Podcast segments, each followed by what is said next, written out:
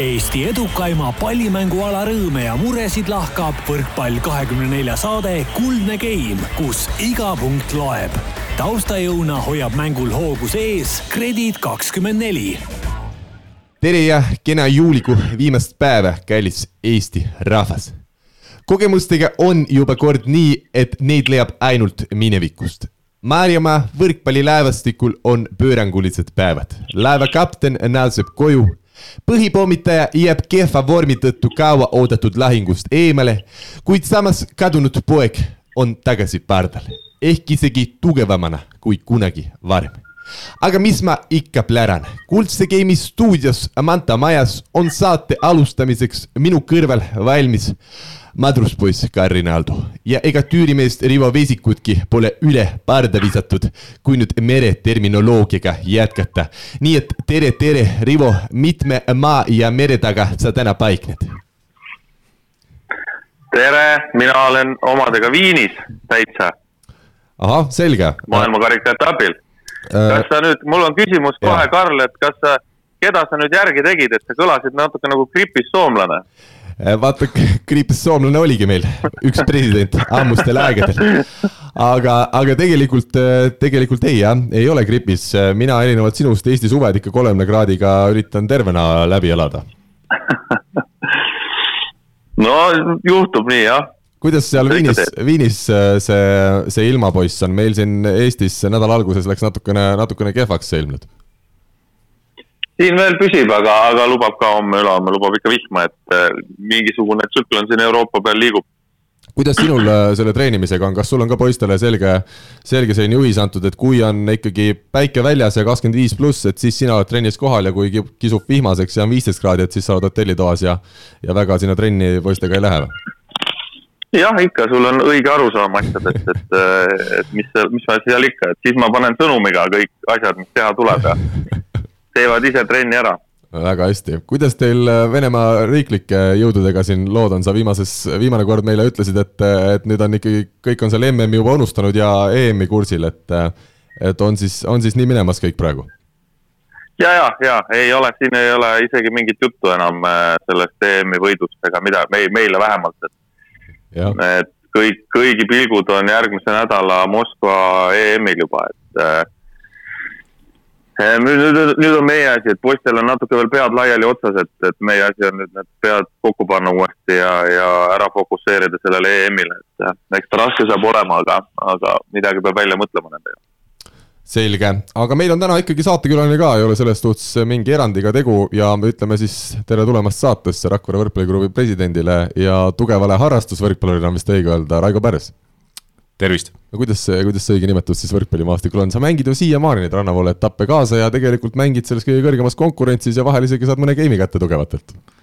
jah, et äh, ei taha nagu kuidagi tunnistada võib-olla seda vanust ja kui sul ees mängivad äh, Kaarel Kais ja Argo Arak, et äh, siis polegi no, seda vanust. jah, et miks mitte proovida, ma olen siiski mõned aastad noorem äh, kuule, Rivo, ma küsin kohe sinu käest, kas sinul Raigoga meenuvad ka mõned mälestused äh, nooruspõlvest äh, rannavõrkpalliväljakutel me vist oleme paar korda omavahel mänginud, aga üksteise vastu mänginud, aga, aga noh, eks, eks see, see tulemus oli ette teada, kuidas see läheb. Assa. Mulle tuleb vastupidi meelde, et, et viimati kohtusime võib-olla neli-viis aastat tagasi Saaremaal ja, ja Rivo mängis toona Kristo Kolloga ja Kristo sai päris korraliku peapesu Rivo käest, sellepärast et eh, seis oli äärmiselt intrigeeriv, seitseteist, seitseteist meil esimeses game'is Kaarel Pomerantsiga, aga noh, loomulikult eh, nii nagu Rivo ütles, et tulemus oli ette teada, selle game'i nad võitsid kakskümmend üks, seitseteist. nii et põhimõtteliselt no näed, näed, nägid, et mõjus, peapesu mõjus kohe. või oli ikkagi nii, et sealt see Kollo ja Vesiku eh, karjääri lõpp nagu alguse saigi rannavõrkpallis või? No ma, ma ei usu, aga võib-olla Rivo teab täpsemalt. Vot seda ei oska öelda. seda A ei oska öelda, et kui ma, kui ma mängisin, siis ma üldse rääkisin väga palju. Mitte, et see praegu muutunud oleks. Ei ole. Aga ütleme, millised mälestused sul, Rivo, on äh, Raigost kui äh, rannavõrkpallurist, olid, oli tal, ma ei hakka küsima, mis ta tugevused olid, vaid ma küsin, kas tal tugevusi ka oli? Ikka oli muidugi, äh, eks keegi ju ei, ei mängi ei mängi nii, et, et ta ei tea, et ta suudab kellelegi vastu saada. Raigo osav ja kiire oma kopsude ja väljaku nägemisega teeb siiamaani palju pahandust seal. minu arust mängisid praegu ka on ju Raigo Rakko seal. Viljandis oli kohal. Jah ja., kõigepealt sain et... Äh, Karli käest äh, viies miinuses pähe, neli-viis ajas ja. mind tigedaks ja siis saatis mind väljakule. aga saime no. ka võidu kätte jah, ja kaotasime seal äh, Allik Korotkovile ja ja hilisema neljanda koha omanikule Kaarel Pomerants ja Harri -hmm. Ma ütlen vahele no,, et, et Viit Miinust me mängisime seal Viljandis on väga mõnus, ranna ääres on siis äh, korvpalliväljak kõrval ja ja ega ikka mind äh, kisub ikka korvpalliradadele tagasi, aga õnneks võrkpallurid väga paljusid kiskus siis vastupidiselt võrkpalliväljakult sinna ka korvpalliväljakule, et, äh, et meil olid seal põnevad mängud siis, kui ütleme, õiged mängud tehti seal korvpalliväljakul ära, ma arvan, ma arvan, Raigo on ka nõus jaa, loomulikult, et äh, tegelikult minu suur harrastus on ka korvpall, et äh, kindlasti paljud ei tea, aga mina päris tall läbi võrkpalli ei mängi. ja mängingi korvpalli, et äh, ainult. sa oled ju tulnud mitu korda ka meistriks seal oma siis Virumaa meistriks on ju, korvpallis. vastab tõele. Rivo, kust sa tead nii palju asju? kui ma ikka, ma, ma olen ennegi tahtnud küsida, et kust sul need teadmised tulevad? Ma lihtsalt äh, ammutan hästi palju informatsiooni ja millegipärast, millegipärast kogu sellest infost, mis ma enda sisse võtan, jäävad meelde ainult asjad, mis ei loe mitte midagi. mis ei ole olulised, jah? mis ei ole olulised no selge. aga Raigo, Raigo ju, kas, kas, äh, kas sinu nimel on isegi mingisugune seal Virumaa meistrivõistluste mingi rekord, kas kolme punkti visetes või punktides mängus või? Keegi võrkpalli oli Ivo Järvala või kes see oli seal? me oleme Ivoga jah, suht seal eh, ütleme top kolmes, et eh, see punktide arv eh, on kusagil seal mingi kuuekümne kanti, aga aga see jääb päris selliste hallide aastate taha, et ma arvan, et isegi Ivo Järvala võib mind edastada, noh. Siin hakkab juba see saade meenutama seda, mäletate, Rivo, meil oli ükskord Hanno Pevkur oli saates, siis esimesed pool tundi läks selle peale, kui suured, suurte saavutustega, saavutustega on Hanno Pevkur oma sportlikus elus toime tulnud ei no jaa, ei no mees, kui, kui nüüd korra nagu raad-, raadiumisse lastakse, siis peab Eesti rahvale kõik oma teod ära rääkima. muidugi, ega rohkem ei saa, millal see järgmine kord saab. väga õige, ei teagi jah, et millal see tuleb, et. äkki ei kutsutagi. jah kuigi äh, kindlasti põhjust on, ma arvan. aga tuleme siis, äh, tuleme siis selle juurde, miks Raigo ennekõike tänases saates on, kuna nagu saate alguses öeldud, sina oled ju Rakvere võrkpalliklubi siin viimastel aastatel vedanud, siis äh, ole hea, ütle siis, millises seisus tänasel päeval Rakvere võrkpalliklubi on. kas see jutt, et vaheaasta tuleb ja järgmine aasta olete tagasi, kas see on selline tõsine plaan ja selle nimel on hakatud juba täna tööd tegema? jah, selles mõttes, et vaheaasta tuleb, et see on nüüd ära otsustatud ja, ja nii-öelda välja öeldud aga nii, nagu ka mina ütlesin, et äh, mina kindlasti ei lepi nagu selle sõnumiga, et äh, läks Võru, läks Viljandi, läks Järvamaa, et äh, läheb ka Rakvere ja ta ei tule tagasi. et no minu soov on kindlasti see, et, et Rakvere võrkpalliklubi ei kaoks, et ma olen ka seda öelnud, et Rakvere juured on niivõrd sügaval ja tegemist on Eestimaa mõistes ikka väga suure võrkpallikantsiga et loomulikult me teeme tööd selle nimel, et äh, ma ei saa väita et, et äh, sada protsenti me tuleme tagasi, aga me püüame leida juurde uusi inimesi, uut hingamist, uusi ideid ja noh, olgem ausad, ega, ega kindlasti tulebki teha seda asja paremini.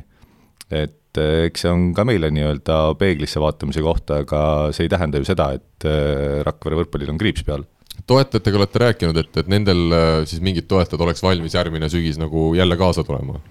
Jah, no kui me alustame, kui me alustame juba nii-öelda peatoetajast äh, Rakvere Maximarketist ehk siis äh, Coopist või Coopist, kuidas seda öelda, et äh, ka tema ütles meile, et tema valmis jätkama ja, ja kui selline suur toetaja juba jätkab, siis ilmselgelt on lihtsam leida selliseid väiksemaid toetajaid juurde.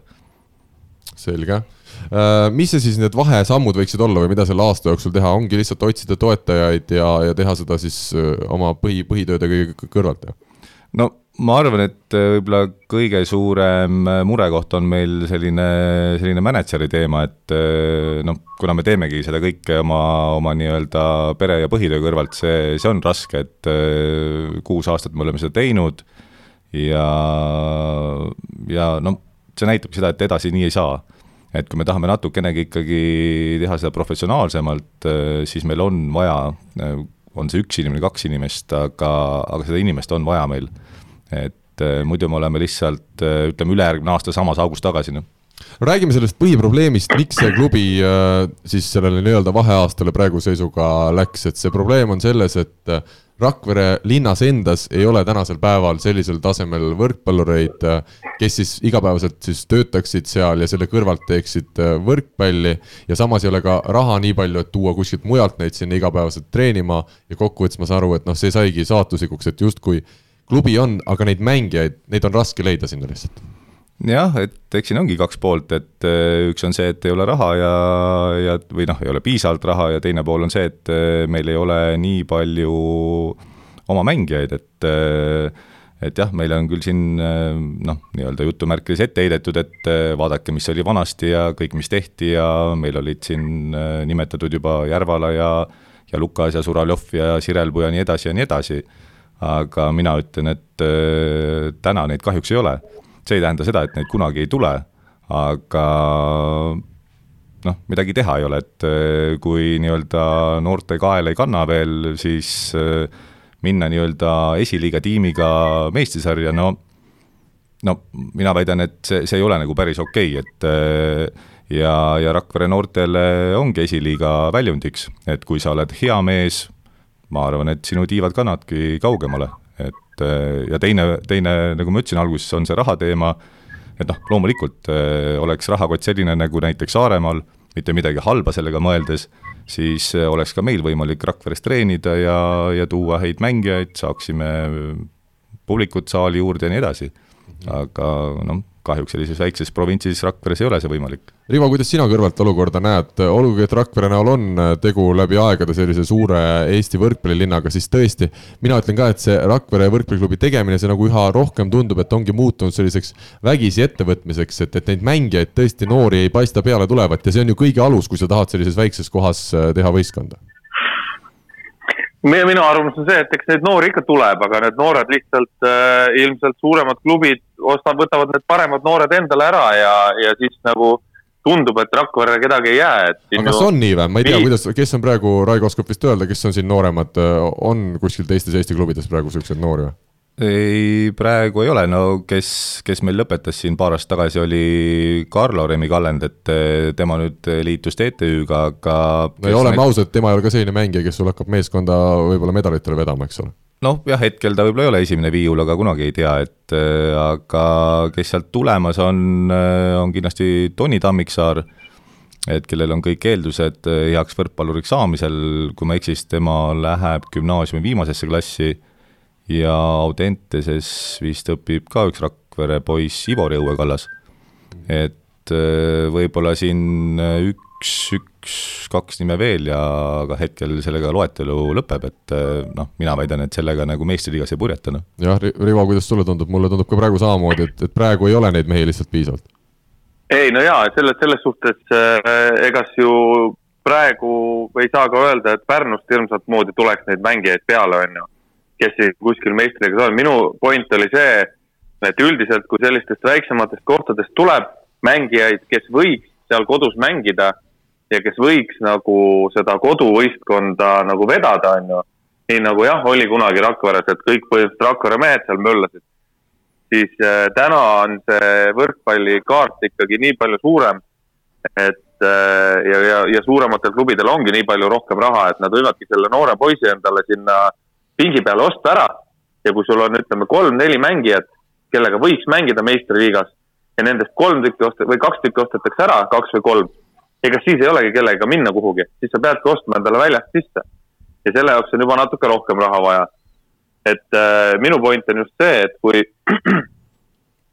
kui saaks kasvõi noh, on ta nüüd õige, ei ole õige, saaks teha mingi umbes sellise asja, et kahekümne kahe aastaseni mängib ta Rakveres või midagi, midagi taolist, et siis võib-olla saaks midagi rohkem ka ehitada. sest ma arvan, et see on, see tuleb nagu lainetena, see samamoodi nagu Saaremaalt on ju, Saaremaalt mingi hetk tuli hunnik mängijaid, järjest tuli mängijaid peale, peale, peale. kunagi seal kogu see meie põlvkond põhimõtteliselt, enamus mängijaid oli Pärnust, on ju. et see, see käib nagu niimoodi ringiga, et, et kuskilt tuleb jälle, kuskilt vahepeal ei tule et see ei saa öelda nüüd, et, et võib-olla viie aasta pärast on Rakveres tuleb kuradi kaheksa poissi, kes on kõik Eesti koondises, noh üks selline regionaalne teema, mis minu arust kogu selle Eesti võrkpalliklubide asjaga seondub, on, on ka see, et kui me vaatame Tallinnat, noh, Tallinna pealinn, siin on tööd teha ja, ja siin sellest ei maksa üldse rääkida, Tartus on meil ülikool, samuti leiab ilmselt neid töökohti, aga alates juba Pärnust tegelikult on ju see küsimus, et kui need võrkpallurid ei teegi seda sporti eh, nii-öelda täisprofessionaalselt, ehk siis nad peavad äh, elatise teenimiseks ka, ka põhitööl käima, siis alates Pärnust, isegi Kuressaare, eks ole, Rakvere, igal pool äh, pead sa leidma mingeid väljundeid, kas, kas Rakveres üldse on mingeid selliseid väljundeid, mida, mida siin noortele või siis äh, täisealistele võrkpalluritele on võimalik nagu kõrvalt pakkuda olnud?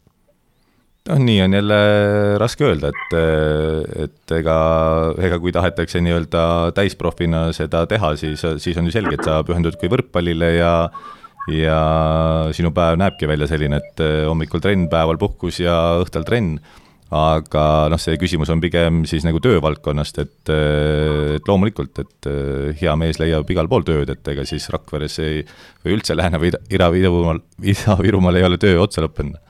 Aga, aga see kindlasti probleem on, eks ole, nagu sa, nagu ma olen ise näinud, et, et mehed, kes töötavadki, eks ole, Tallinnas ja ja, ja ütleme, Rakvere on veel selline piiri peal sada kilomeetrit, aga aga ega, ega see ka ei köida nagu mehi iga päev sinna Rakvere näiteks treeningutel sõitma, kui te treeni-, treeniks Rakveres jah, et selles mõttes, et kui me peaks nüüd äh, nii-öelda oma põhibaasi tooma Rakveresse, treenima Rakvere spordihoones ja eeldama Äh, jälle seda, et äh, mida on nagu varem öeldud, et Ivo Järval umbes sõitis bussiga TPI-st Rakveresse trenni iga päev, et noh, mina arvan, et see on nagu ebamõistlik ajakasutus, et okei okay,, tema oli toona veel üliõpilane, aga kui inimene tuleb peale tööd, teeb seda oma pere kõrvalt, siis noh, jällegi saab ju nii-öelda motivaatoriks raha.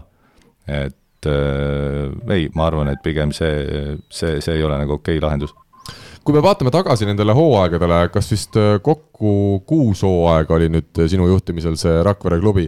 tegelikult äh, okei okay,, praegu me oleme sellises seisus, et see klubi on tegevust lõpetamas või esiliigas jätkamas, aga aga tegelikult need kuus aastat Eesti võrkpallile andsid ju nii mõndagi tagasi, et, et mul on siin kohati jäänud Facebookist lugedes kõiki neid kommentaare mulje, et et, et justkui keegi nagu ütleks, et, et Rakvere, et mis asi see on, aga, aga tegelikult üldpilt on ikkagi see, et Eesti võrkpalli üldsus on rahul minu arust selle, kuidas ju Rakvere on tegutsenud seesama Balti liiga meistritiitel siin ühel hooajal, veerandfinaalis Tartu väljalülitamine, et, et tegelikult saavutuste mõttes need aastad ei, ei läinud ju mitte sugugi raisku.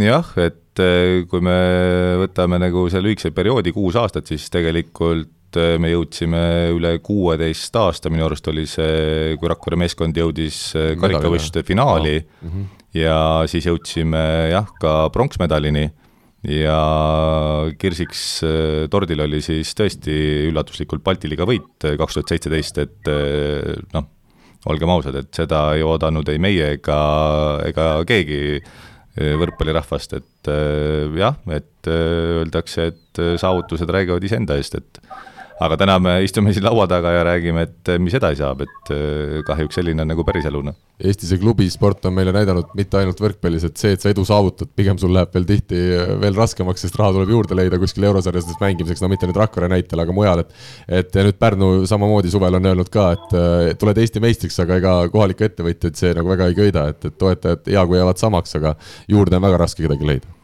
jah, selles mõttes ma saan äh, Pärnu võrkpalliklubis ka täitsa aru või siis ka nende toetajatest aru, et äh, öeldakse küll, et äh, edu toodab edu, aga, aga see ei ole ka reegel.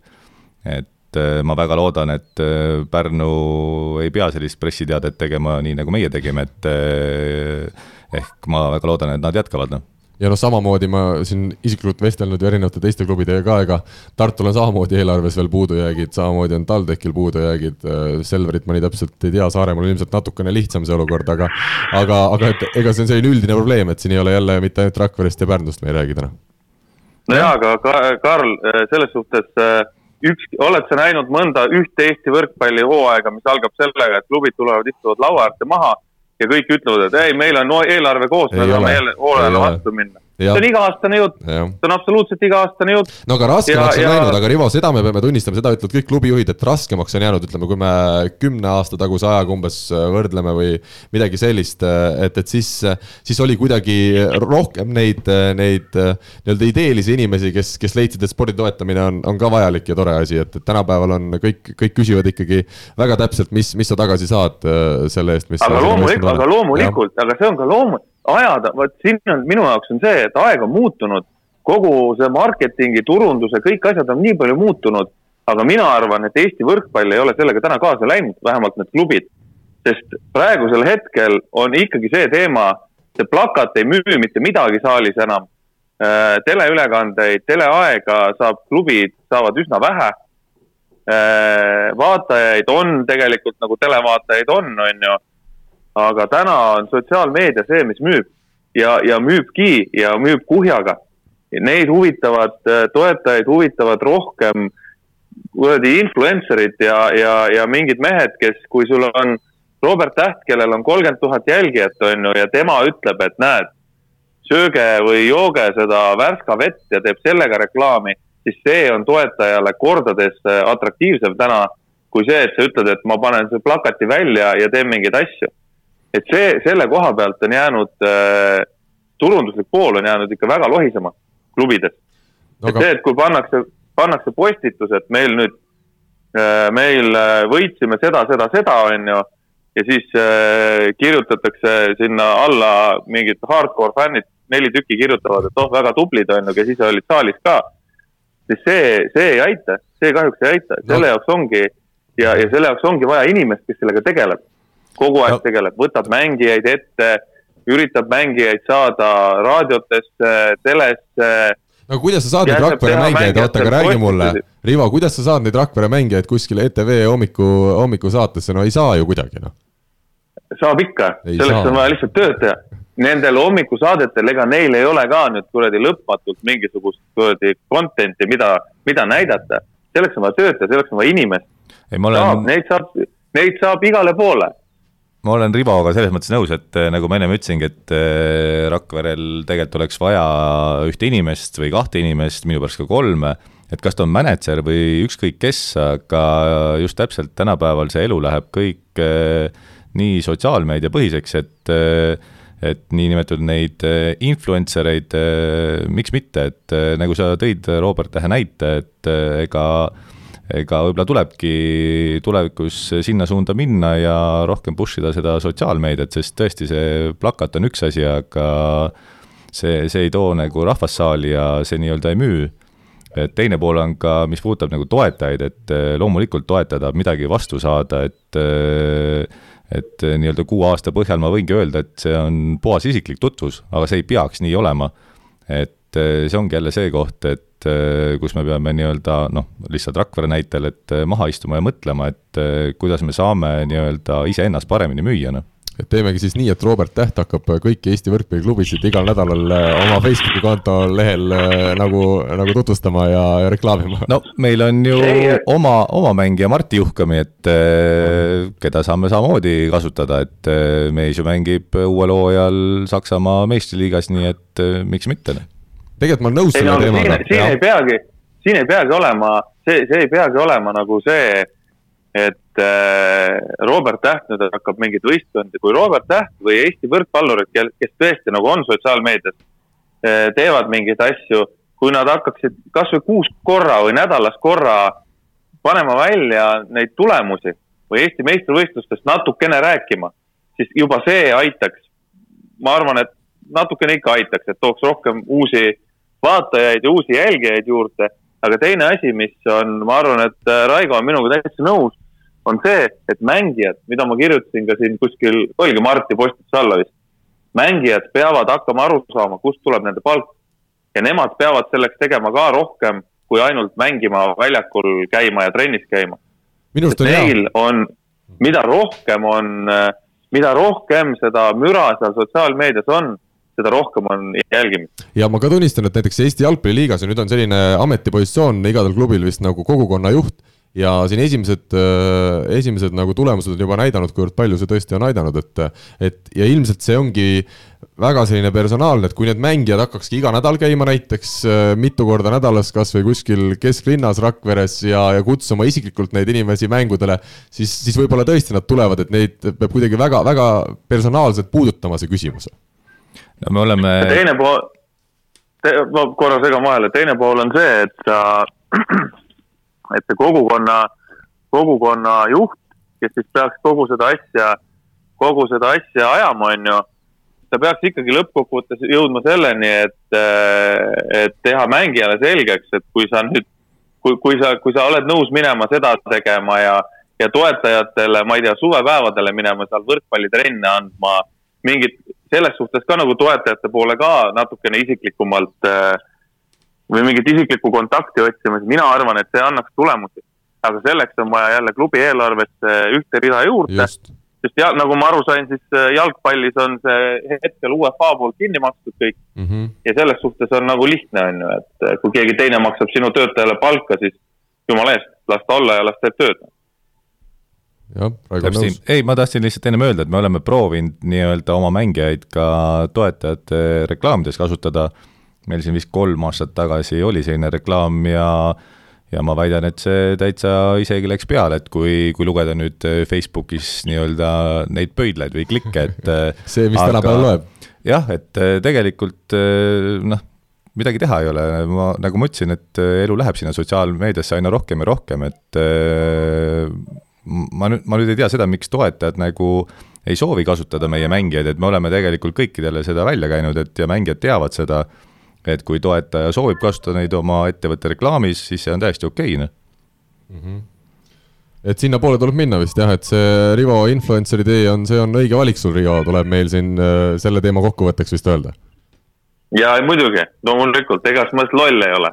aga nii, et kui ütleme, Eesti klubi nüüd äh, pärast selle saate kuulamist ütleb, äh, et helistab sulle, ütleb, et Rivo, kuule, et äkki teed natuke reklaami meie klubile oma Facebookis, et teed mõne nalja ja, ja paned mingi videopostituse, et siis sa oled käpp ja teed ära ja muidugi, tonn no näed, Rivo, kuidas. tonn ja korras. Rivo, kuidas on influencer eesti keeles? küsib Raigo Rakverest. mina vist tean isegi. mõju, ma tean isegi ka, kuidagi mingi imelik nimi oli, mõjuisik. suunamudija või? jah, väga õige, Karl. suunamudija, no vot nii et nüüd sa oled suunamudija, kuule. Rivo, meil on ikkagi eestikeelne saade, nii et see influencer jääb nüüd sinnapaika. okei okay,, selge. edasi mudid kõigi suunda kirjutasin, kirjutasin ülesse. väga hea, aga äh, ma arvan, et võtame vahepeal ette küsimusmängu ja siis vaatame teemade osas juba, mis meid veel ees, ees on ootamas.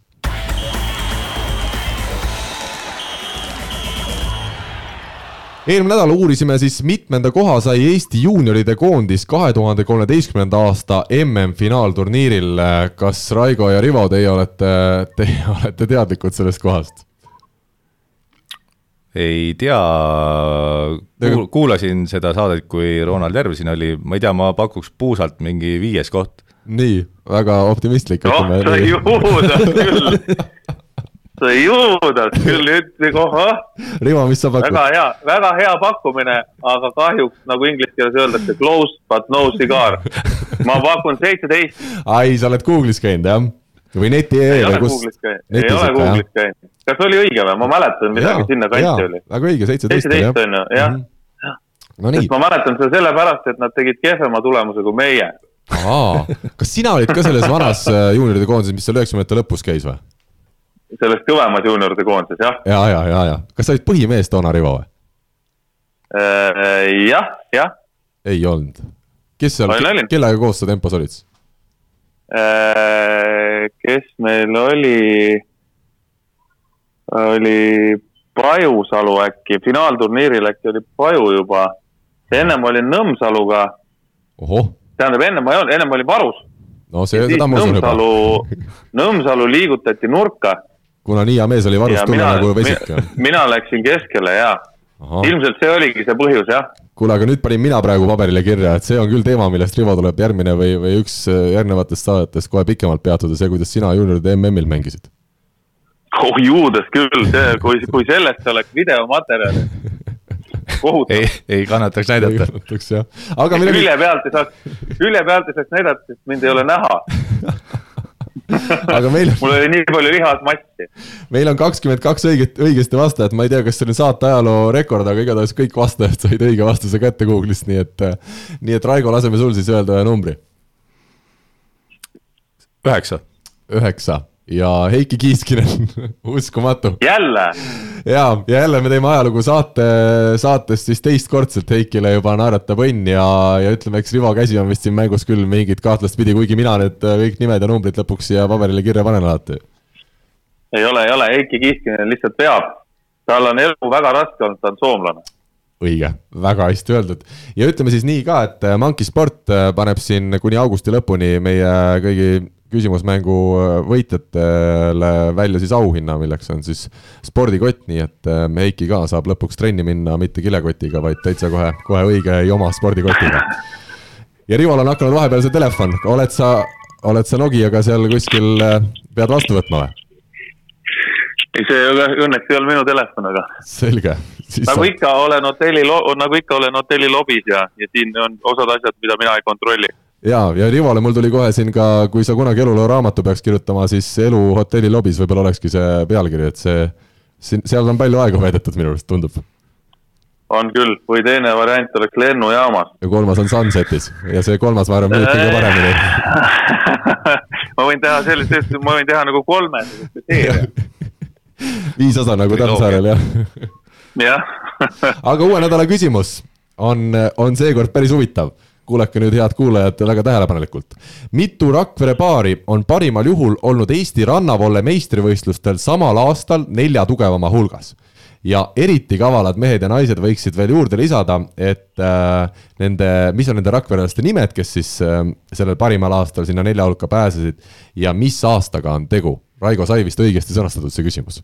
Jah, väga õige, et äh, ma usun, et äh, vähemalt äh, Rakverest või Lääne-Virumaalt pärit inimesed peaksid vastust teadma. aga palju on teist saadet kuulavat, Raigo, oled sa teinud mingeid uuring-, uuringuid? no me saame seda. nädala pärast teada? ei, mitte uuringut teha, aga me saame promoda, et see saade tuleb kohe. väga hea, ja Rival oli vist midagi lisada ka veel omalt poolt või? jaa, kõik, kes panevad täppi, kõik asjad, mitu paari, aastaarvu, mängijate nimed kõikide nende vahel äh, paneme veel eraldi auhinnaks ühe terase mänguaja. ja kui panete veel kohad ka täppi, siis on ikka päris. siis saate kohe. terve aasta hommikust, ei. Hall of, Hall of Fame'i. siis saab terve aasta hommikust õhtuni terases mängimas käia Rivo kulul, ma saan aru, jah? Ei, mitte minu kulul, raha eest saab käia terve aasta. Hommikust õhtuni mängimas terases. väga hea. Aga küsimusmängu rubriik on selleks korraks ennast ammendanud, läheme edasi teemade juurde.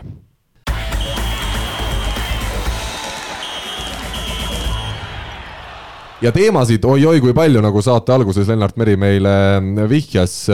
alustuseks ilmselt me ei saa üle ega ümber sõna otseses mõttes Oliver Vennost on ta siis jäänud äh, sellest EM-finaalturniiriks valmistuma asuvast Eesti võrkpallikoondisest välja ja ütleme, neid ülekilosid vist ikkagi oli kokkuvõttes liiga palju ja nagu Venno ka ise eile erinevatele Eesti meediakanalitele ütles, siis, äh, siis ega ta EM-iks ei olekski jõudnud äh, vormi. no Oliver on Oliver ja ega siin vist polegi midagi öelda, et, et kas see on profisportlane. ei, ei, ei, ei ole vist mitte kuidagipidi ei no mis, miks, miks mitte, profisportlane, see on lihtsalt äh, selle profisportlase valik, kindlasti on Oliver. aga see ei ole profisportlane ju, profisportlane ei, ei käitu nii ju. see on tema valik, kas ta tahab minna EM-ile, kas ta tahab esindada koondist või ei taha, kui ei taha, siis ei taha, no ega kedagi ei saa ju sundida. pikalt siin ju mingi osade korvpalluritega oli ka ju ja räägiti, oh näed, et miks ta koondises ei mängi, see on tema enda valik on küll enda valik. koondise esi-, koondise esindamine on auasi põhimõtteliselt ja, ja nii on. jah, aga ma. kurb on muidugi see, kurb on see, et ta mitte nagu noh, öelnud siis varem, et ma ei taha tulla. et kurb on see, et ta ei vedanud ju ennast alt, vaid ta vedas alt äh, hetkel nii kõik oma kuuteteist või kahtekümmend meeskonnakaaslast, treenereid ja kümme, kakskümmend tuhat võrkpallifänni, kes, kes. kes on juba ka piletid ostnud sinna Amsterdami, eks ole. EM-il näha jah ja. ja mitte ainult piletid ostnud, et kes ka vaatavad telekast, jälgivad, et, et kindlasti on, on kurb meel, aga, aga noh, õnneks on ju, on ju mehed, kes suudavad tegusid teha, võtta selle koha peale, nii et, nii et olukord ei ole ju, ütleme, kui Oliver oleks sellise tembu teinud üks kolm-neli aastat tagasi, viis aastat tagasi, siis see olukord oleks kindlasti olnud halvem, aga aga täna on äh, Rene Teppan ei ole halvem mees ja, ja Indrek täpselt samamoodi näitas siin viimastes mängudes, et ta ikkagi suudab, suudab mängida väga korralikult. Ja ühtpidi ma olen selles suhtes sada protsenti nõus, et Oliver Venno ju siiani kogu oma võrkpallurikarjääri on väga korralikult käinud koondises, esindanud, tal ei ole selle vastu kunagi midagi olnud. aga lihtsalt see hetk praegu, mil meil on ootamas ees, eks ole väga,, väga-väga suur äh, EM-finaalturniir, suur siis selles mõttes, et meil tõesti on olemas seal mängijad, kes võivad midagi saavutada, et siis siis tõesti, et eraelu, nagu ta ütles, et, et selle, seda tahtis ka elada, et sellepärast ei saanud trenni teha, et noh, sa saad ju elada eraelu ja saad samal ajal ka mitte iga päev liiga palju süüa, et ja natuke trenni teha, et minu arust noh, see, see nagu on nii vale hetk praegu, kus, kus Oliver just esimest korda välja jääks sellest koondisest. see on valikute küsimus ja, aga selliseid asju, minu arvamus on see, et selliseid asju tuleb rääkida treeneriga varem. aga temaga, on räägitud läbi... ju jah, jah ei no sai see kuldliiga läbi ja siis ütle treenerile, et kuule, et mina, ma ei jaksa praegu või ma tahaks nagu natukene oma asju teha ja oma elu elada. ja kas siis treener ütleb sulle kohe, et selge, et ära tule või siis, äh, või siis üritatakse leida mingisugune kompromiss.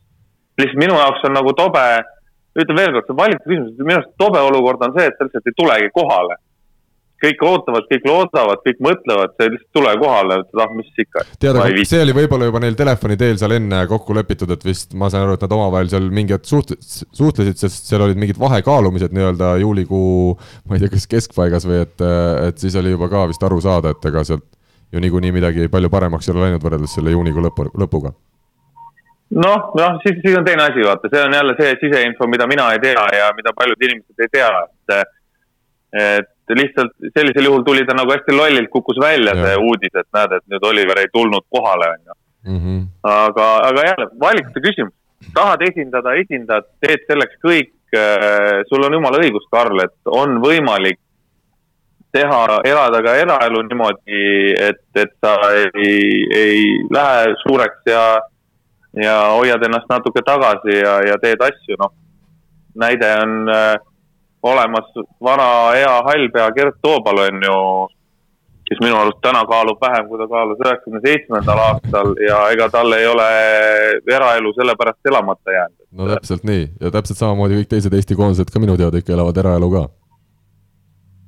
noh, ma loodan küll, jah aga ütleme siis nii, et, et nagu ka Rivo juba mainis, Rene Teppani roll Eesti koondises tõusis ikkagi hoobilt äh, väga palju suuremaks, nüüd meil on ikkagi üks maailmatasemel diagonaalründaja EM-iks ko koondises ja see on Teppan. Ja kui Teppan saab korda, siis on kõik hästi. Ja, ja isegi võib-olla see, et temal lasub selline kogu vastutus diagonaalis, võib isegi anda talle natukene jõudu ja enesekindlust juurde. teisalt, kui Teppan ei, ei saa oma terviseprobleemidest täielikult jagu, siis on Eestil ka EM-finaalturniiril väga raske midagi väga suurt saavutada. üks variant, mis veel on, ütleme, Indrek Pulk on meil siis teine diagonaal, aga tegelikult üks variant on ju ka Martti Juhkami, meie uus siis koondislane, panna ka diagonaali mängima, et Prantsusmaa kõrgliigas ta isegi lõppenud hooajal mingid mängud mängis diagonaalis, Rivo ja Raigo, kuivõrd heaks ideeks teie seda, ütleme, Marti liigutamist kasutamist vajadusel diagonaali peate, on see, on see üldse, üldse variant?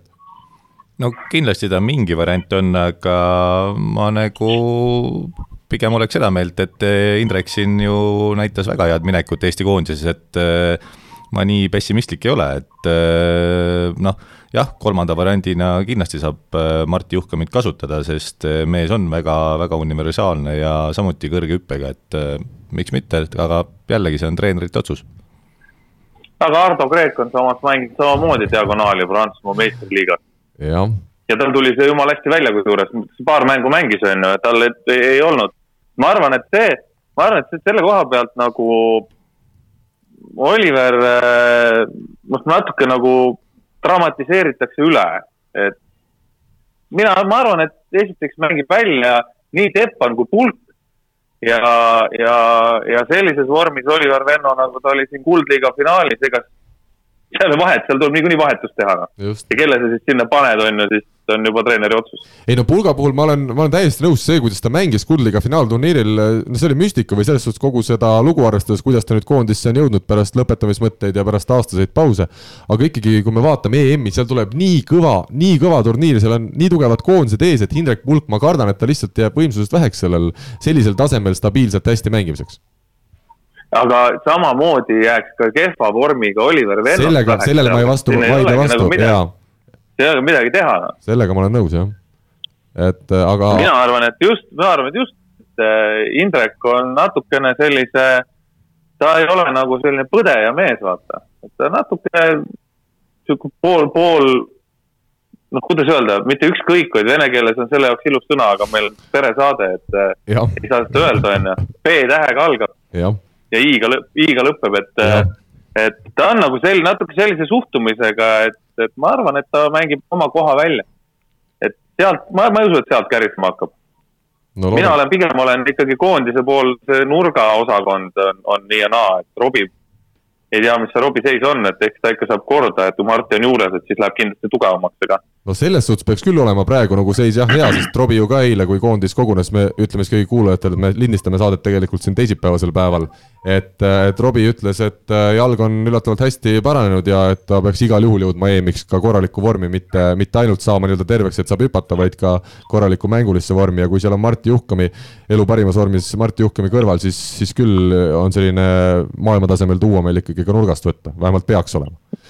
No ma räägin, see on pigem on see nagu parem, parem, parem uudis kui halb uudis see, et Oliver Vennot kaasa ei võeta, et. just, see mängib selle üle nagu jah aga ega muidugi Kristo Kolla ja Andrus Raadik praegu kuulavad seda saadet ja siin äh, imestusest kukuvad pikali, et kas nemad on ära unustatud, et ega siin on kindlasti, tuleb kõva lahing selle nurgaründaja algkoosseisu pääsemise koha üle ilmselt aga see on ainult hea Väga selles hea. suhtes, et siiamaani, siiamaani on olnud, ongi olnud täna väike probleem see, et et kui üks nendest, siis üks nurgameestest ära kukub, siis kunagi ei tea, mis päev on nagu Raadikul, mis päev on Kollol, on ju mm. -hmm. et äh, seal, seal võib-olla mänguoskused ja kõik asjad on ju, on ju maailma tasemel, aga stabiilsusest jääb vähe puudu, et et kui Robbie on, on stabiilne, stabiilsem, siis äh, Juhkami ma usun, et on ka natuke stabiilsem täna kui, kui ikkagi Kollo ja Raadik.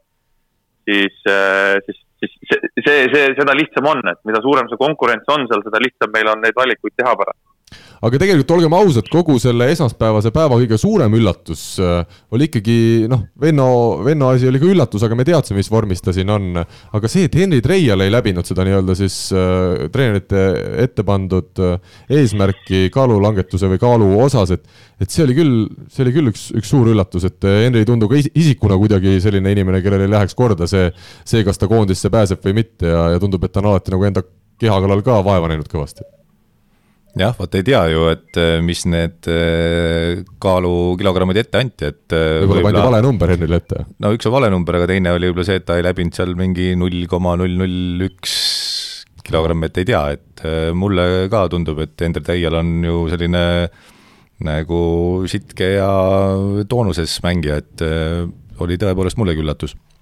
et, et siin ikka juhtus nii mõndagi selle nädala alguses vist, Rivo, jah? Ja, ja minu jaoks ka vaata, nagu ma sulle kirjutasin ka peale seda uudist, ma ütlesin, et äkki on ikka mingi vigastus, et äh, aga noh, eks siis oli ja ma ei usu, et see, see peab ikkagi olema nagu nii palju üle, et treenereid häiriks, et äh, ja. pole Henrit näinud kah pikka aega, et äkki ongi paksuks läinud. võib-olla ei tunne ära, noh aga ma ütlen ausalt, ma pole veel Henriga ise rääkinud, et, et kindlasti siin äh, tänase päeva jooksul loodan, loodan ühendust saada, et siis uurida ka natukene seda tagamaad, et see on tõesti selline haruldane, haru-, haruldane ja kehv üllatus ju. Ja tõesti Henrit ka tundes, ma arvan, talle endale see selline, selline sündmus äh, kindlasti ei, ei mõju hästi aga läheme järgmise teema juurde, Gert Toobal Tartu Bigbankis pika-pika pausi järel siis tagasi Eestis mängimas ja kui me siin saate esimeses osas rääkisime, et mis võiks tuua publikut saali, mis võiks tekitada võrkpallis natukene rohkem elevust, siis no Gert Toobal peaks nüüd küll selline reklaamnägu olema, et, et iseenesest hakkavad inimesed saali voolima, vähemalt Tartus. Jah, et kui Gert Toobal oleks tulnud Rakveresse mängima, kindlasti oleks aidanud selle vankri, ma arvan, kraavist välja lükata, et noh, ilmselgelt on täna äh, Gert ikka selline nimi, et mis, mis ei vaja tutvustamist ja ja mis iseenesest toob juba publiku saali. Noh. ja mitte halb mängija ka, Rivo, eks ole? jätkuvalt väga, väga heas vormis. jätkuvalt väga heas vormis. Gerdi tulekuga muidugi on üks, üks asi, mis, mis tema puhul on, on nagu, kuidas seda öelda nüüd mis temaga kaasneb, on see, et nüüd oodatakse kindlasti Tartult tiitleid ja, ja palju tiitleid. ja ma arvan, et Gerdil pole ka selle vastu midagi, et talt oodatakse, ta on elus harjunud kordad kandma. absoluutselt, jaa, absoluutselt mitte, et ma arvan, et, et tema, tema jaoks oli see õige otsus ja ja, ja noh, minu ainuke küsimus on see, et kas see tähendab seda, et nüüd paari-kolme aasta pärast Gert siis lõpetab karjääri sest üldiselt, kui ikkagi selles vanuses juba koju tullakse, et siis, siis jäädakse ka koju, et. Äh, aga noh, see on sihuke, sihuke küsimus, mis, mida, millele vastab Gert ja. ja tead, Rivo, ma ütlen sulle vahele ühe sellise sinu jaoks ilmselt siis kurva uudise ka, et ega Gert niikuinii üks hetk peab selle karjääri ära lõpetama, et see igavesti ei saa kesta. et äh, ma saan aru, et sa ei ole sellega arvestanud, aga. isegi tema, isegi tema. isegi tema, jah ja.. selline on elu lihtsalt äh,. aga see on jumala väga äge, et Gert tuli tagasi Eestisse ja, ja nagu Raigo ütles, et see kindlasti lisab mingisugust särtsu Eesti liigale ja sellist asja, mis, mis tekitab äh, võib-olla natukene intriige rohkem ja, ja natukene sellist põnevust liigasse.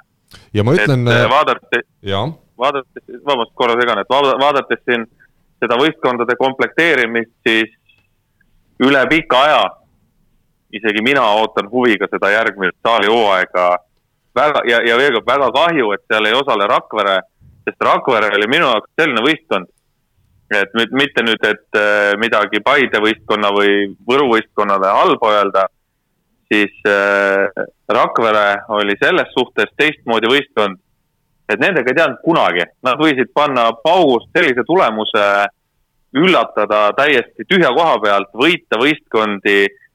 Nende mänge oli nagu alati huvitav jälgida ju esiteks sellepärast muidugi, et seal Õunpuu vana sõber mul ja, ja veel paar tuttavat mängivad, on ju. aga just see point, et sa kunagi ei teadnud, Rakveres mängida Saaremaa vastu, Võru mängis Saaremaa vastu või Pärnu vastu oli tulemus teada, kolm-null heal juhul kolm-üks. Rakvere mängis, kunagi ei teadnud, mis sealt tuli. sealt võis tulla kolm-null võit, kolm-null kaotus, kolm-kaks. igast pulli võis saada, ühesõnaga. selles suhtes on kahju, et nüüd Rakveret ei ole kus on ikkagi tekkimas, tundub, et on tekkimas kolm-neli niisugust väga tugevat võistkonda. et sinna oleks vaja ühte sellist, kes ikkagi nagu hoiab ora natukene sees neile, et kuulge, et ärge päris lõdvaks ka laske seal ülevalpool, me siit tagant ka tuleme vaikselt kuule, aga ma, Rivo, mul siin, sa rääkisid vahepeal skooridest, mul tuli üks hea küsimus sulle, vaatame, kas vastad õigesti, et äh, Eesti jalgpallikoondis, mäletame siin äh, kaotas Saksamaale null kaheksa, tead, mis on Rakvere klubi suurim kaotus võrkpallis? Sa mõtled äh, punktid äh,, game'is punkte? ei no ma ütlen vastuse ära, null kolm, et selles suhtes Rakvere on ikkagi selgelt kõvem kui Eesti jalgpallikoondis, selle, selle järeldusele tahtsin jõuda. aa, niimoodi või, sa oled ikka, sa oled ikka kaval. ikka, ikka kaval, kus sa, kus sa pääsed. vana mehe tegi lolliks praegu siin otse-eetris. väga hea, aga mis ma veel tahtsin Toobali Tartusse minekuga jätkata, oli siis see, et, et minu arust ka Tartu meeskond on väga huvitavat võistkonda kokku saamas, et kui me vaatame, palju seal on eestlasi tulemas, et äh, tartlaste praegune plaan on siis selline, et kuna pulk läks ära, siis diagonaal ilmselt üks äh, legionär, aga, aga võibki jääda nii, et kõik ülejäänud mehed on eestlased. ja, ja noh, sellist meeskonda on ju lust vaadata, kes, kus ikkagi me mängime nii-öelda Eesti võrkpalli jaoks sõna otseses mõttes ja ma siin ei heida ei Pärnule ega Saaremaale ette, et neil on rohkem välismaalasi uuel hooajal ilmselt. aga, aga lihtsalt see, see fakt on juba iseenesest lahe, et, et meil on väga palju mängijaid täna koos naistega. umbes nelikümmend äh, Eesti võrkpallurit mängib välismaal, aga meil ikkagi jagub ka veel väga tugevasse Tartu võistkonda nii palju eestlasi, et see meeskond ongi sisuliselt ainult eestlastest komplekteeritud ja, ja see kusjuures see on väga positiivne ja väga äge.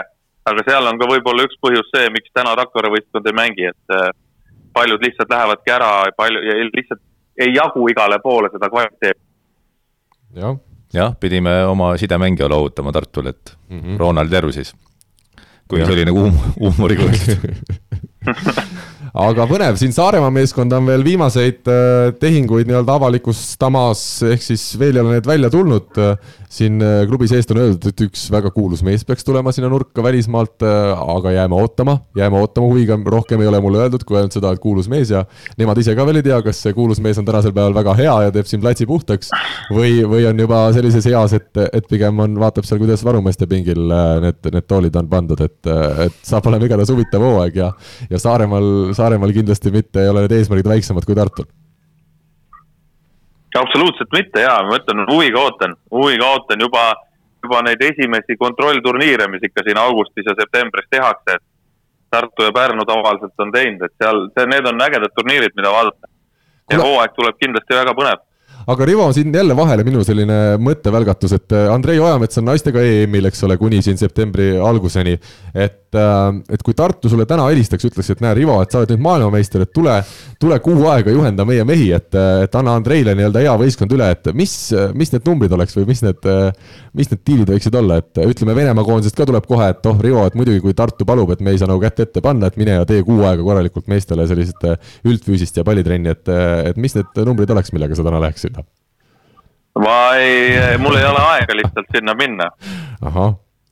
ja, ja ei saa jah, kahjuks on nüüd siin meil endal ka EM ja tulemas maailma, maailma karikaetappide finaalturniir septembri alguses, et ja siis on olümpiakvalifikatsioon veel turniir septembri keskpaigas, et ma pean, äh, väga ahvatlev pakkumine, aga pean kahjuks ära ütlema. ei, ma ütlen ka, Rivo, see ei olnud pakkumine, mina ei paku sulle midagi, mina ei ole Tartu klubis mitte keegi, et vaevalt. okei või siis saab teha nii, et laager tuleb Tartul Moskvas. just, see on teistpidi, sina paned oma tšarterlennu, annad tšarterlennu jälle Tartusse ja mehed kobivad peale ja tulevad sul sinna randa, teevad terve, terve kuu teevad rannas näiteks kaasa. see, see on muidugi, see on muidugi variant jah, aga siis, siis ilmselt tuleb järgmine uudis, et veel üks klubi pani uksed kinni ja, ja Gert, Gert Toobal ostis uut koduklubi.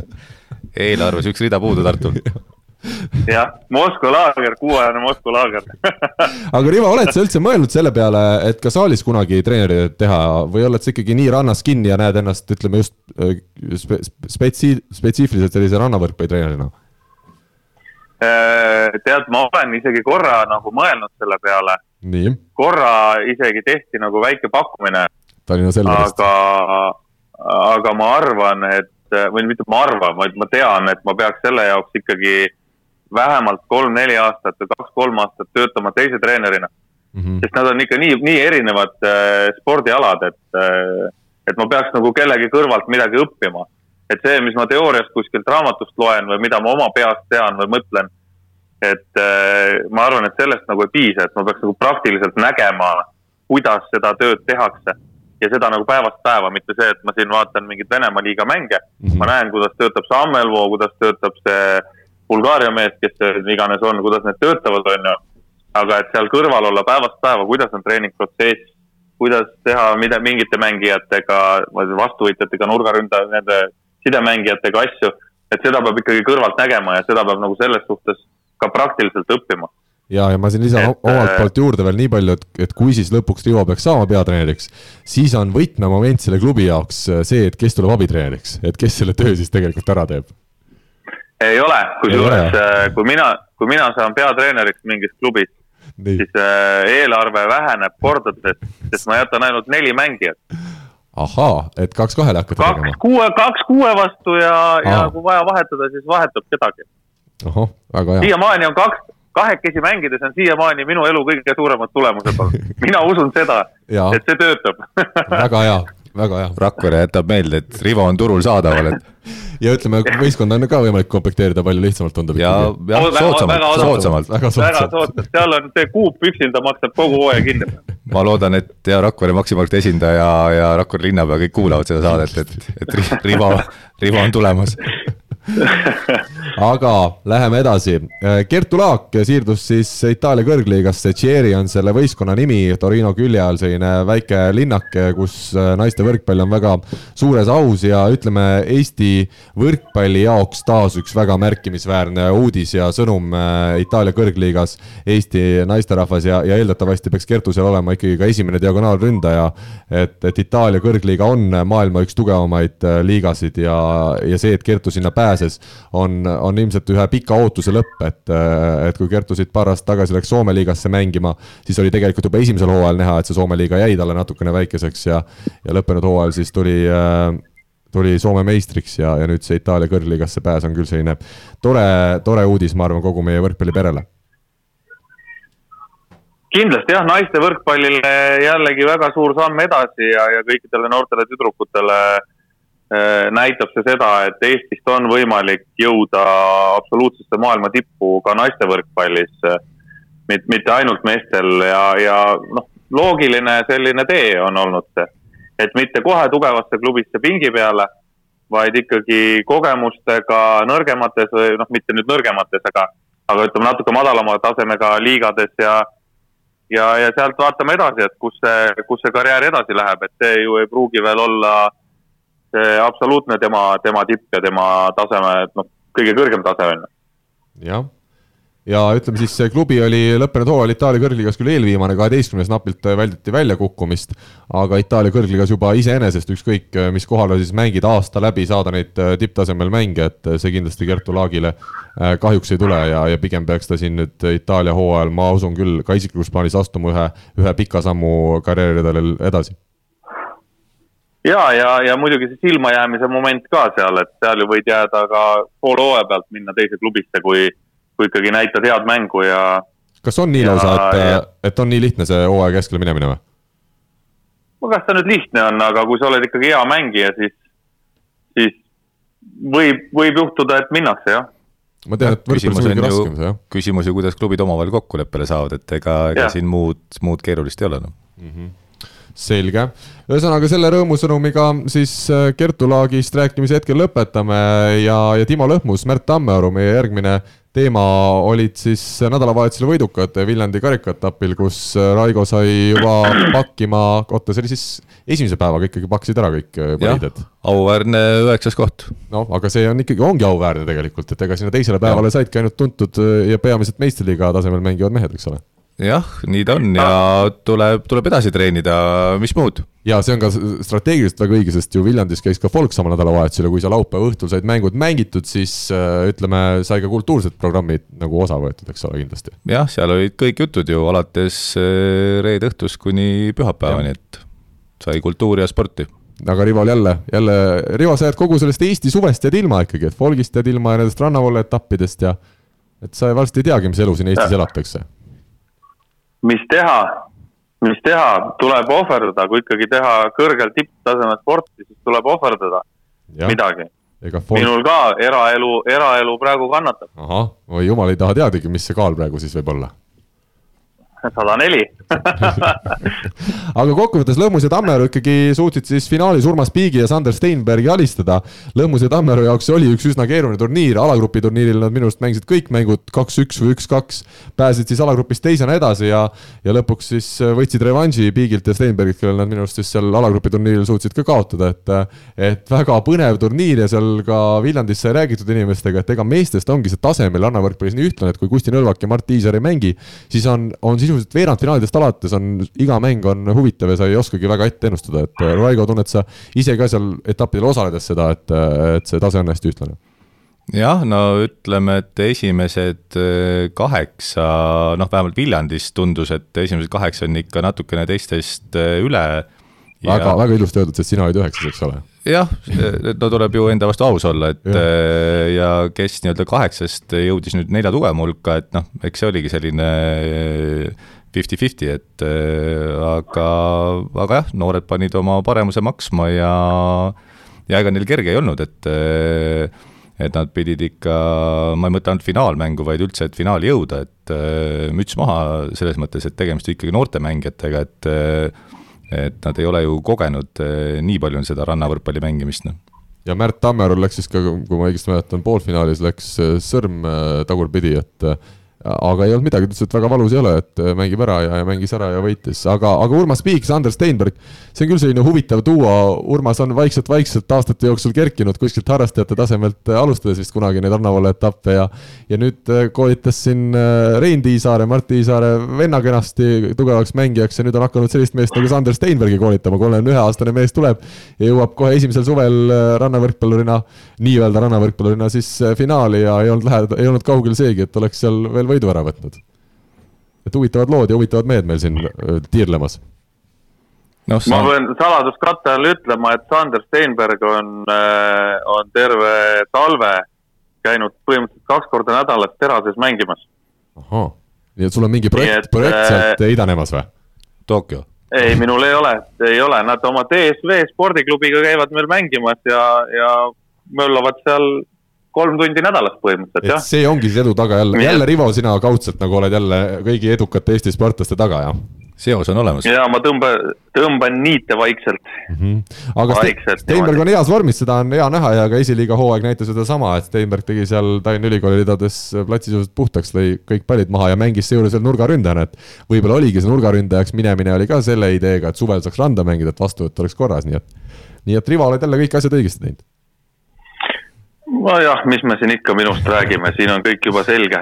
ei, aga tegelikult on, tegelikult ilma naljata rääkides on, äh, on väga kihvt, et äh, Urmas ja, ja Sander äh, sinna finaali jõudsid.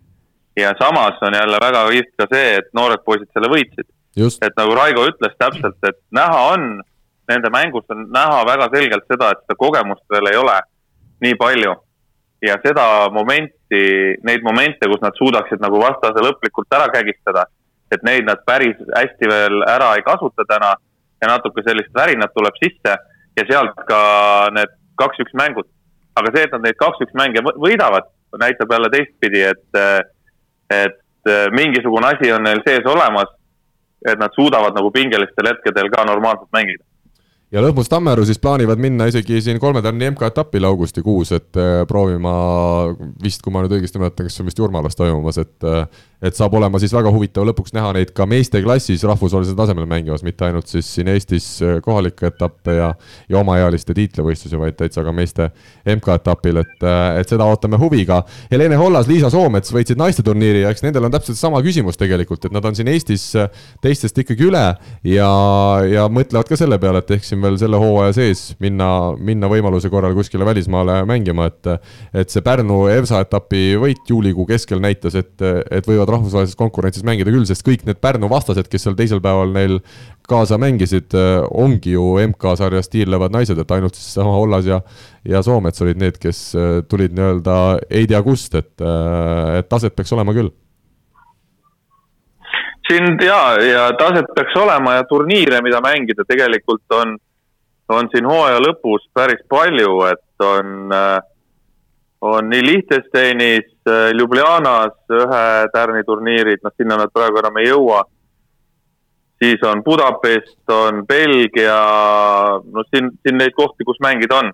ja just vaatasin seda Jurmala nimekirja, kui eile ei olnud, eile ei olnud kirjas veel Eesti, siis äh, ei Tammearut ega ka Povjakel Petrovi, kes nüüd on Jurmala nimekirjas olemas siis Jurmalaste sõidab Eestist kolm paari, et Nõlvak Kiisar ilmselt on, on põhiturniiril, teised mängivad kvalifikatsiooni.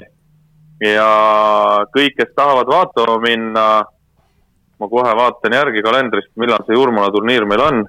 kakskümmend viis, kakskümmend kaks kuni kakskümmend viis august. kas sa oled pannud, kas sa oled pannud oma selle kalendri juba sinna Viinis, sinna hotelli fuajeesse kuskile või kus sa seda vaatasid nii kiiresti? Internetist. aa, ikka juba, juba, juba oled ka sinagi oma kõrges eas sellise ik... suunamudijana jõudnud ikka. nii kaugele, jah? ja ei noh, mul on ka selles suhtes kalender olemas, et äh, ma vaatan, ma pean ju jälgima, aga kakskümmend viis kuni kakskümmend, kakskümmend kaks kuni kakskümmend viis august Jurmalas MK-etapp, kolm tärni. kindlasti, kui Eesti need noored poisid lähevad mängima Lõhmus Tammearu, minge elage kaasa. minge ja. vaadake, minge elage kaasa, Mart Kusti mängivad, see on äge koht, äge turniir ja väga lähedal Eestile ka, nii et. ja ma saan aru, et sina siis, Rivo, garanteerid jälle selle, et Jurmalast saab otse sinu tšarteriga sinna naiste EM-ile Ungarisse? Jurmalast Lätist, kusjuures on ilmselt odavam lennata kui, kui Tallinnast. no ei, ei muidugi, kui sina oma tšarteri annad ja tasuta, siis see ongi odav ja ikka, minu ikka. kõik asjad on minu poolt, Jeesus teeb välja ja olgu siis nii palju ka öeldud, et Helena Ollas, Liisa Soomets finaalis alistasid Renate Pika ja Judith Kure-Pohhomovi ja Pikk ja Kure-Pohhomov on küll hooaja jooksul minu arust väga märkimisväärselt edasi läinud, et kui ma mäletan neid Tartus mängimas, siis, siis sellega võrreldes on nad jõudnud Ollasele ja Soometsale ikkagi tublisti lähemale ja, ja olid seal teises game'is lähedal ka game'i võidule, aga lõpuks Soomets ja, ja Hollas suutsid ikkagi kuidagi oma kogemuste ja oskustega kaks-null võidu ära võtta, aga et tore näha, et on ka natukene sealt järelt tulemas äh, tüdrukuid, kes, kes hästi mängivad. aga need tüdrukud, nendega on üks, äh, üks, üks huvitav fakt. No,, seesama Renate Pikk on ju, ma rääkisin temaga äkki aprillikuus. Ja, ja tema sõnad äh, hirmsalt tahaks juba rannas mängida, et ma nii väga ootan seda rannahooaega, olid minu jaoks nagu nii ägedad ja, ja ma sain, mina sain kohe aru, et, et inimene tahab ja et see inimene võib ka võita midagi ja hooaja lõpuks on näha, et on hoopis teisel tasemel kui hooaja alguses. ja, ja seda on ka nende väljakul tegutsemisest näha, kui tõsiselt Renate ja, ja Judit seal äh, väljakul äh, hüppavad ja jooksevad, et, äh, et tõesti seda, seda saame siin ka öelda, järgmine etapp siis või mitte etapp, vaid Eesti meistrivõistlused ongi rannavõrkpallis veel ees ootamas sel hooajal. Kahe nädala pärast Paides peaks toimuma ja Raigo, ma saan aru, et sina oled oma tippvormi ikkagi sinna ajastanud, seal ei ole küsimust no ma päris nii ei julge lubada, et äh, minu suve tippvorm võib-olla tuleb äh, sellel laupäeval Võsu rannas, kui Kaspar Pomerantsiga tuleb Lääne-Virumaa meistrivõistluste tiitlit kaitsta, et äh, Jarmo Neuhaus, Kaarel Pomerants siin kõvasti teevad tööd selle nimel, et see tiitel käest ära võtta. aga, aga jah, mis puudutab Eesti meistrivõistlusi, no ütleme siis nii, et olen saadaval, et, et kes tahab medalit väga hea väga hea ega, ega ometi jah, no see on juba selge, et ega Rivo ei osale see aasta Eesti meistrivõistlustel, jääb jälle, jälle vaheaasta, nagu siin on kombeks öelda, jah. no võib-olla me teemegi siis Rivoga vaheaasta, et ja järgmine aasta siis Rivo tuleb. mul on vaheaasta kuni kahe tuhande kahekümne kaheksanda aastani. nii, mis siis juhtub? ja siis ma teen comeback'i. siis lähme koos veterane mängima, et. jah, ja lahkun areenilt ilmselt ristsidemete rebestuse või millegi taolisega uuesti jah, ma arvan, et sa oled juba selleks ajaks juba nii kehvas vormis, et sa isegi treenerina võivad sul vigastused tekkima hakata, kui sa seal väljaku kõrval seisad. ei ära siin tee nalja, ma olen juba praegu nii kehvas vormis. siin eh, paar nädalat tagasi üritasin eh, näidata oma tütrele, kuidas lõua tõmbamine käib ja tõmbasin mingi küünarvare liigese natukene paigast ära soojendust ei tehta. ma mõtlesin, et tõmbasid kangi kõveraks, et see oleks teine variant olnud oma kaaluga, jah mitte nüüd naljatate, ega, ega õige, vot Raiko saab asjadest aru, Karl, sina mõtled, kõik on paksud sinu jaoks. ma olen nii noor, ma olen nii noor. Karl lahmib lihtsalt. mina ei tea, mis see paksuks olemine tähendab ta ei jõua ise ühtegi lõuga tõmmata ju. jah olgu, kuulge mehed, mul oli äärmiselt meeldiv täna siin teiega vestelda, Raigo ja, ja Rivo. saate lõppu olgu siis öeldud, et äh, võrkpall ole ainus tore mäng, mida mängitakse siin suvel, mängitakse ka Indiakat ja mängitakse suisa klubide MM-i ja mängitakse Tartus. Homme kolmapäeval, kui meil saade siis eetrisse läheb, on finaalipäevad ja siis võrkpalli kahekümne neljas ka otseülekanded. Ja kui siin Renate Pikast sai räägitud, siis mõni Eesti võrkpall on ikka eriti mitmekülgne, mängib äh, Tartu võistkonnas äh, temporündajana tuleb Eesti meistriks, siis mängib rannavõrkpalli, on seal hõbedal. ja siis tuleb veel võib-olla medalile Indiaka võistkonnas, et, et Raigo, aga sul on ka ikka veel varu veel sees? minul on kindlasti varu sees, et on see Indiaka või mingi teine spordiala, et äh, noh, ütleme nii, et kui rannav olles või tavalises võrkpallis hakkama ei saa, et küll siis ära vaatame. ütle nii koledasti, ära ütle nii koledasti saate lõpetuseks. igatahes aitäh, aitäh kõigile kuulajatele, soovime, soovime teile ilusat nädala jätku ja kohtume juba nädala pärast. nägemist. tšau Eesti kõige põnevamad podcastid on Delfis, kuula tasku.delfi.ee